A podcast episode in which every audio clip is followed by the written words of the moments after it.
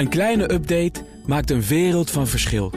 Daarom biedt IKEA voor Business Netwerk gratis snelle interieurtips en ideeën. Word gratis lid en laat je werkplek voor je werken. IKEA, een wereld aan ideeën. Ondernemerspanel. Snoepgigant Mentos spande een rechtszaak aan tegen de Nederlandse kauwgomproducent Bambit en verloor. En zitten ondernemers wel te wachten op de compensatieregeling voor de gestegen energierekening, de TEC? Dat en meer bespreek ik in het ondernemerspanel met Johan van Meel van Piek en Eduard Schaapman van Tribes. Welkom heren. Goedemiddag Thomas. Laten we maar eens beginnen met jullie eigen nieuws. Eduard, wat mag het zijn? Ja, toch weer opvallend. Gisteren komt er toch weer iets naar buiten. En dan blijkt dat één op de acht kantoren niet hoeft te doen aan de duurzaamheidseisen. Dus naar minimaal uh, label C. En ja, we wisten het al van de Rijksmonumenten... dat die een uitzondering hebben. Daar heb ik ook trouwens een mooi verhaal over, want dat krijg je ook niet voor elkaar. Maar mijn ja, grootste verbazing was dat nu ook kantoren van gemeentes en provincies... maar energielabel D hoeven te hebben. Dus dan denk ik, oké... je voelt je uh, achtergesteld, begrijp ik? Nee, ik denk, de overheid wil graag iets doen aan duurzaamheid. Stikstofuitstoot, 40% van de stikstofuitstoot komt van kantoren en industrie. En wat doen ze zelf? Nou, wij hoeven daar niet helemaal aan mee te doen. Uh, duurzaam, uh, label D is goed genoeg. Dan denk ik, van, waar leven we? En wat is de motivatie? Ja, de motivatie is omdat ze dat uiteindelijk nog niet zo snel voor elkaar kunnen krijgen. Ja, maar dat hebben ondernemers ook last van. En die zijn er wel mee bezig. Ik bedoel, ik heb een rijksmonument, Raamplein, label G. Uh, en dat mag dus label G zijn, maar ik wil verduurzamen. Maar dan kom je bij de gemeente en ik heb enkel glas. En ja, nee, u kunt geen dubbel glas krijgen in die mooie konzijnen. Dus dat kunnen we nog geen vergunning voor geven. Dus jongens, kom, help ons ook mee om te verduurzamen. Overheid, doe eens wat beter je best. En ga eens luisteren naar ook wat die ondernemers allemaal kunnen doen. Dan, Johan, jouw nieuws. Mijn nieuws. Je had gisteren in de uitzending al uh, AG5. Mooi bedrijf trouwens, wat uh, binnen elf maanden een volgende ronde heeft opgehaald. Wij waren de eerste investeerder erin. Nu is een nieuw bedrijf, ChargeTrip, Nederlands bedrijf, wat net 10 miljoen euro heeft opgehaald. En ik vond het mooi, omdat er natuurlijk heel veel onrust is nu op de financiële markten. Er wordt ook heel veel gezegd, we hadden het er net al even over voor de uitzending, dat investeerders niet zouden investeren.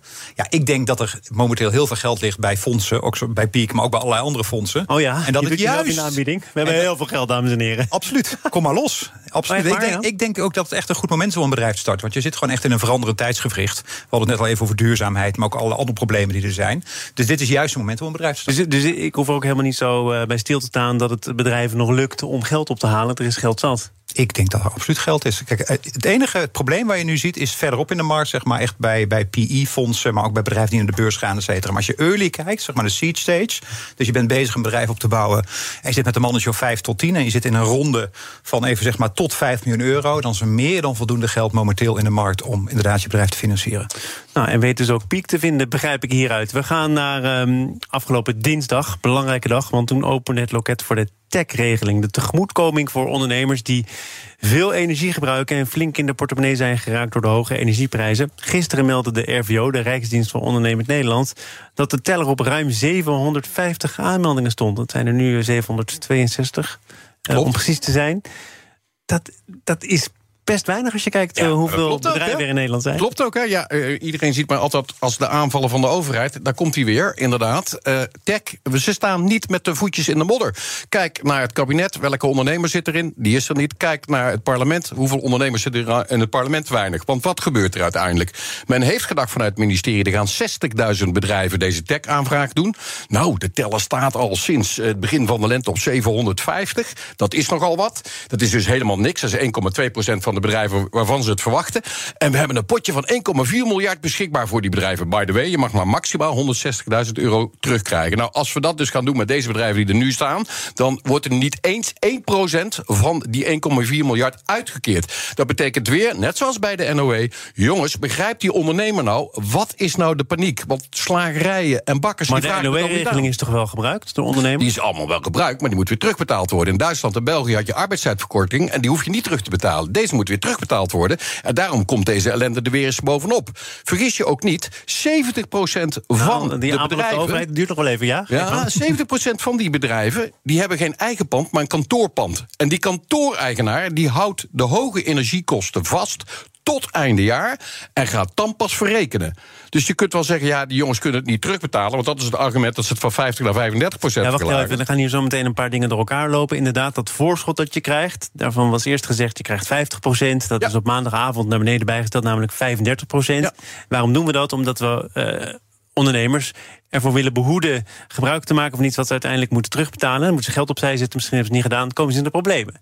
Nee, komen niet in het probleem, want ze krijgen veel geld terug van uiteindelijk de kantoorgebouweigenaar. Want ze moeten de max blijven betalen tot einde jaar. Ik kan, al, ik kan er alles over vertellen. Dus uiteindelijk krijgen ze ook weer een potje terug van die kantoor-eigenaar die de servicekosten hoog houdt. En dan kun je heus wel weer van terugbetalen wat je dan te veel hebt betaald, of gekregen van de regering. Eduard, je- wat, wat, wat zou de overheid, denk jij, dan moeten doen? Wat zou de, om, om deze, zeg maar, deze klacht beter te bedienen? Nou ja, ze hadden natuurlijk uiteindelijk moeten kijken om wie gaat het. Welke ondernemers hebben hier pro- problemen mee? En dat zijn met name de bakkers en de slagers. Die hebben dure apparaten staan. Die kunnen het allemaal niet gebruiken.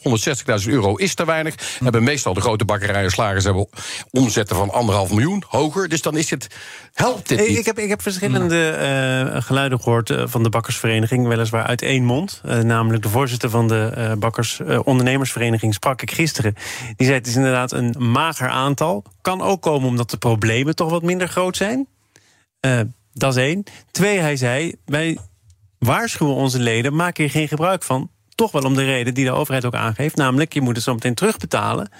En dan zit je er maar mooi mee. Ja. Heeft het ook niet mee te maken dat de regeling pas net bekend is... en die bakkers zijn gewoon hun bakker aan het runnen... en tegen de tijd dat ze hier gewoon tijd voor hebben... dan gaan ze dat doen, want die, rekening staat, die regeling staat ook nog gewoon komende maanden open. Is het nog niet... eh, Nou, ik heb natuurlijk weer mijn plaatselijke bakker hierover gesproken. Net zoals de vorige keer toen het hierover ging. En die zei van ja, ik ga het niet doen. Kost me veel te veel papierwerk. En inderdaad, wat Thomas ook al zegt, van nu is die gasprijs eh, beneden het eh, prijsplafond gedaald van 1,19 naar 1,17.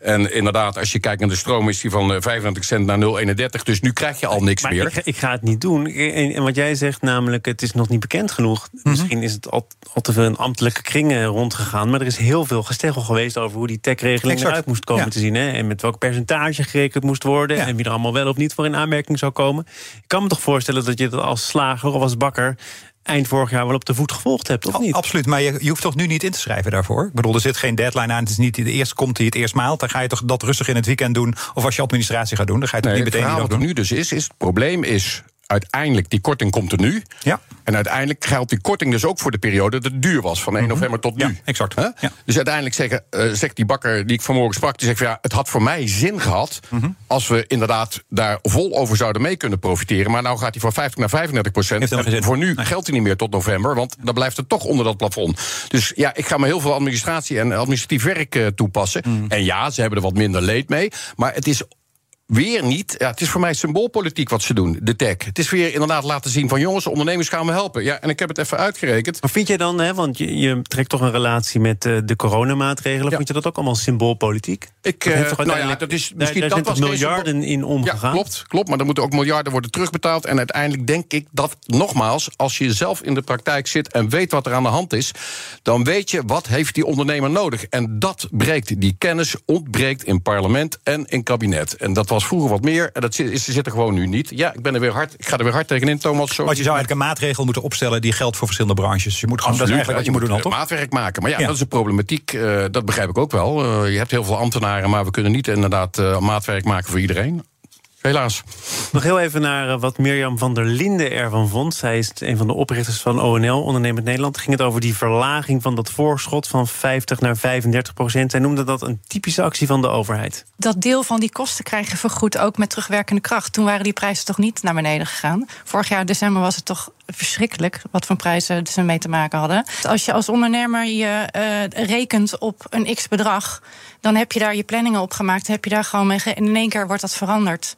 En het, ik vind het typerend weer voor deze overheid. Onbetrouwbare overheid, Johan? Of kun je zeggen, die overheid handelt naar bevind van zaken... prijs naar beneden, voorschot ook naar beneden? Ja, ik vind het wel onbetrouwbaar. Ik vind als je dit voorspiegelt, dan moet je dit ook gewoon uitvoeren. Nou, ik vind het onkundig, niet onbetrouwbaar. Oké. Nee, zo, dat wil ik zo ook weer niet toedichten. Ik kom altijd op, op, op kundigheid en kennis van zaken. En als je inderdaad kennis van zaken hebt, dan weet je wat je moet doen. De Maar als je, dat, als je de nou, ze regels verandert tijdens het spel, dat is toch Ja, eigenlijk... maar Ja, toch? de- de- ze proberen het zo goed mogelijk te doen. En op- opeens roept iemand daarboven van... ja, hey, de gasprijzen gaan beneden. Oh, dat kunnen we besparen, laten we dat maar doen. Zonder na te denken, wat is het effect? Het, het is, Het is niet beurs, zeg je. Nee, ik denk uiteindelijk, bedoel, de mensen die daar zitten... proberen natuurlijk ook altijd goed te doen. En ik mopper wel af en toe op ze. Maar ze proberen natuurlijk allemaal hun best te doen. Alleen, de kennis en de kunde op het gebied gebied van ondernemerschap, 2,2 miljoen Nederlanders, ontbreekt. We gaan naar deel 2 van dit panel. BNR Nieuwsradio. Zaken doen. Thomas van Zeil.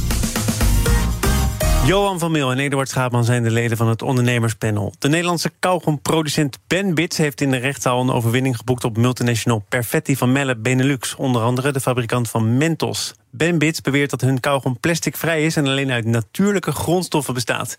Perfetti was het er niet mee eens, stapte naar de rechter, maar stelde Ben Bits, die rechter dus, vervolgens in het gelijk.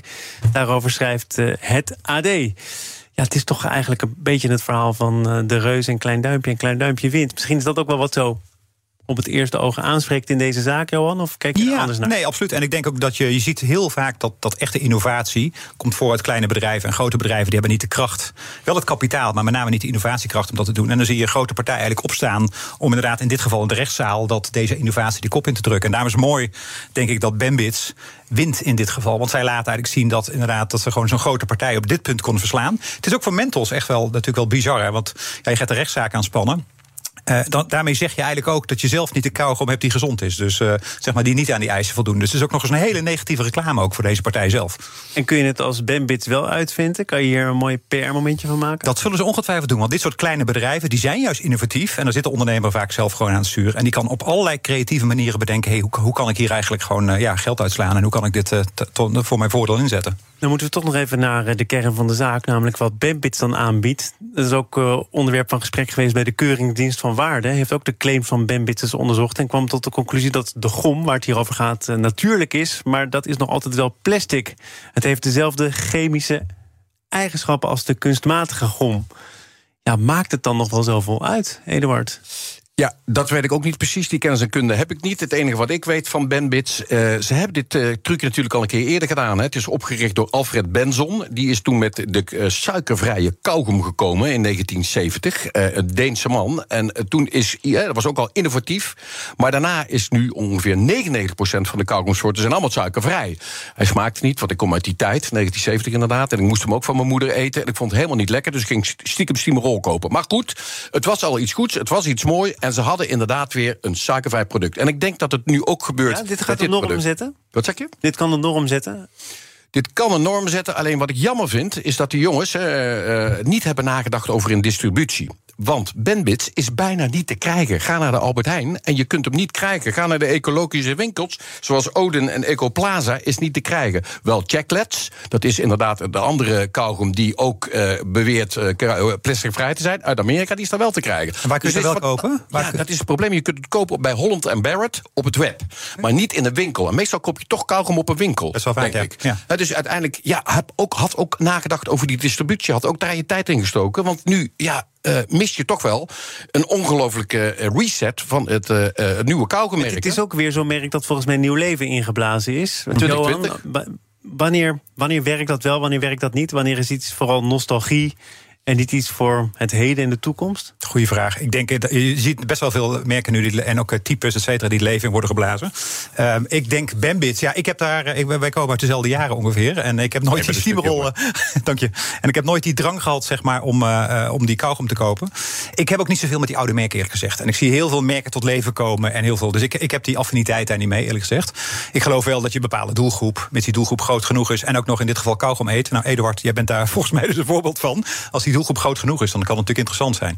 Ja, in 2016 hadden ze het Nederlands merkgoed heeft het eigenlijk gekocht. En toen wilden ze het nog niet lanceren. En uiteindelijk heeft uh, inderdaad deze jongen, Miljan uh, Dontje, 25 jaar maar, heeft bedacht in 2020: ik ga het doen. Hm. Ik ga het proberen. Dus ik vind het wel knap. Het zijn game changers. Ze doen iets anders. Absoluut. Maar denk dan ook na over van ik heb een mooi strategisch plan. Denk na over die implementatie. Maar ik denk wel dat ze waarschijnlijk al hebben geregeld... dat ze nu bij alle verkooppunten wel bekend zijn... dat ze Bambits kunnen kopen bij hun, toch? Dat ze nu wel, wel, uh, dat hebben we wel geregeld op dit moment, toch? Ja. Ben je bang als je uh, voor de rechter wordt gedaagd... door zo'n uh, groot bedrijf als uh, Mentos? Of is het vooral een kans? Ja, ik denk dat het een kans is. Ja, je verwacht natuurlijk dat Mentos uh, uiteindelijk Perfetti Benelux... Uh, ja, erop en erover. Erop en erover gaat met heel veel advocaten. Maar op een of andere manier is dat toch niet gelukt. Dus nee, ja, dan vind ik het de toch kaart zal wel goed zijn, toch? Ja. We gaan naar ehm, de casus van het gokken. Terwijl eh, ze een reclameverbod boven het hoofd hangt, geven online gokbedrijven meer geld uit aan advertenties. Minister Frank Weerwind van Rechtsbescherming is bezig met strengere regels voor gokreclames. Maar het lijkt er dus op, Johan, dat nog voordat die wet eh, een, eh, goed en wel rond is, er nog eventjes flink met de buidel. Eh, wordt geschud dat het eh, geld wordt uitgegeven aan reclames. Opportunistisch of niet? Ja, dat begrijp ik wel. Als je weet dat er iets aan gaat komen en je, je mag nu die doelgroep nog benaderen, dan ga je dat als ondernemer natuurlijk doen, als bedrijf. Maar goed, die, die ondernemers, die bedrijven, die hebben vaak genoeg gezegd. eh, we, wij gaan ook matigen. Ja. En die hebben allemaal gedragscodes ondertekend. Met de branche hebben ze om de tafel gezeten. Ja, daar blijkt dan toch weinig van. Ja, klopt. Maar van de andere kant blijkt ook weinig uit dat het inderdaad echt verslavend is. Hè. Dat blijft natuurlijk uit de cijfers van Lade, is dat het allemaal heel erg meevalt. Dus met andere woorden, ja, moeten ze zich dan even roomser dan de paus gedragen dan in dat opzicht? Ik bedoel, je praat over een vrije markt. En dat betekent dat ondernemers eigenlijk dit kunnen doen naar eigen goeddunken. Maar niet alleen ondernemers, ook twee staatsbedrijven zitten tussen de top 5. Dat is het meest bizarre wat er in de gokmarkt is, dat- zie je ook ja. dat Total Online en Holland Casino ook totaal 50 miljoen euro uitgeven. Hè. Dus ehm af, hè? overheid doet ook mee. Maar het is natuurlijk bizar sowieso dat de overheid een positie neemt in de gokmarkt... die ze nu gaat liberaliseren en waar ze dus ook een eigen positie in hebben, toch? Dat is sowieso bizar. Eens. Maar eh, nog heel even naar eh, de, de effecten eh, van de legalisering, die nu een tijdje gaande is. Ik heb eerder berichten gehoord van de Jellinek van Trimbos, waar ze zich zorgen maakten. Eh, er is een debat geweest over of die gokreclames aan banden moesten worden gelegd, ja of nee. Toen zei de SP, er is het afgelopen half jaar voor een half miljard meer vergokt. Bleek ook uit cijfers van de Kansspelautoriteit. Gemiddelde verlies van 153 euro per maand per speler. Kun je zeggen, ja, dat is de markt. Hè, mensen kiezen daar toch voor. Maar is het dan toch ook niet een beetje aan de politiek om wellicht beschermend op te treden? Ja, ik vind, dat, ik vind de verantwoordelijkheid van ieder individu, eerlijk gezegd. Ik vind niet dat de overheid alles moet gaan beperken en moet zorgen dat wij helemaal niks meer kunnen doen. Dus ik zou dat inderdaad niet aan de politiek op willen leggen in dit verband. Tenzij er echt blijkt van, hé, hey, wacht even, die verslaving neemt heel fors toe, et cetera. Dat vind ik dan wel een gelegitimeerd moment. Maar nu om dat te doen, dat zou voor mij te ver gaan. Ben ik voor 80% met je eens, maar er is een bepaalde doelgroep die je moet beschermen daarvoor. En ik weet alleen niet hoe je dat moet doen. Er is een bepaalde doelgroep die moet je beschermen tegen te veel uitgaven. En dat is de groep die met name nu op dit moment veel aan het gokken is. Ik weet niet hoe je dat zou moeten doen. Ik denk inderdaad ook als liberaal dat je zo vrij mogelijk moet laten zijn. Maar er is wel een bepaalde groep die aan het gokken is, terwijl ze het niet ja, zichzelf kunnen veroorloven. Nou, er, is, er is volgens mij wel ook een onderdeel van de vergunning dat erop toeziet dat je Ja, een programma voor vroegsignalering hebt, eh, verslaving tegengaat. En anders krijg je die vergunning sowieso niet. Maar ja, hoe hard je dat kunt maken, dat weet ik ook niet precies. Ehm, en, en Eduard, hoe kijk jij naar die codes vanuit de branche zelf, waarin ze zeggen, bijvoorbeeld buitenreclame, dat gaan we niet meer doen. En dan zijn er nieuwe toetrekkers die die code niet hebben ondertekend. En dan zie je toch weer dat er buitenreclame is. Super slimme ondernemers. Want uiteindelijk hebben ze afgesproken: weet je wat we doen? We gaan niet meer eh, buiten, eh, in bushaltes en langs de snelweg adverteren. En eigenlijk net zo als met het sigarettenverbod eh, jaren geleden, Marlboro en Palmal. Wat deden die? Die gingen toen op allerlei sportevenementen sponsoren. hè. Elke zeilwedstrijd was gesponsord. Wat doet Bad City? Heel slim. Die heeft zich gehouden aan de afspraak. Maar wat doet hij? Die sponsort nu 400 amateurclubs in Nederland. Plus Helmond Sport en Fortuna Sittard. Ja, het is een ondernemer. En die denkt ook, ik moet eh, mijn afspraken nakomen. Niet in de bushokjes, niet langs de snelweg. Weet je wat, ik doe het op deze manier. En daarom denk ik dat het goed is dat branches zeg maar, aan de gang gaan met zelfregulering. Want een overheid huppelt daar altijd achteraan. Die kan nooit alle regels opstellen waardoor iedereen wordt geblokkeerd in dit geval. Dus ik denk heel goed dat die branches zelf. Maar een overheid kan natuurlijk wel zeggen: adverteren voor tien uur. Ik geloof dat dat al aan de orde is. Hè, voor tien uur s'avonds, dat doen we liever niet. Eh, Bekende Nederlanders in die reclame ook liever niet. Ja. Dat is toch iets waar de overheid wel een voortrekkersrol in zou kunnen spelen? Kan, absoluut. Alleen ik denk dan dat de ondernemers die die doelgroep willen bereiken... weer allerlei andere creatieve mogelijkheden gaan inzetten om die doelgroep te bereiken. En in principe, die wetgeving die gaat in op 1 juli. Hè. Dus we kunnen nu inderdaad er heel veel over gaan praten. En de overheid gaat er nu niks meer aan doen. Want die wet gaat in op 1 juli. Nee, maar ik was ook niet van plan om er nog heel veel over te gaan praten, Eduard. Fijn, Sterker Thomas. nog, ik wilde jullie al bijna gaan bedanken. Moeten we nog zingen voor je? Van harte gefeliciteerd. Lijkt me een goed idee. Lang zal die leven, lang zal die leven, lang zal die leven in de glorie, ja, in de glorie, ja, in de glorie. En nog een keer! We doen geen reclame, we doen nog een liedje. Dank jullie wel. Johan van Meel van Piek en Eduard Schaapman van Tribes op mijn 39ste verjaardag. Fijn dat jullie erbij waren. En dit panel is trouwens ook te beluisteren, inclusief de toegift als podcast. Abonneer je vooral even via je favoriete kanaal of de BNR-app. Zometeen wordt er gepitcht in BNR Zaken doen. Het inrichten van je eigen zaak is best wel wat werk. Daarom biedt IKEA voor Business Netwerk 50% korting op interieuradvies. Word gratis lid en laat je werkplek voor je werken. IKEA, een wereld aan ideeën.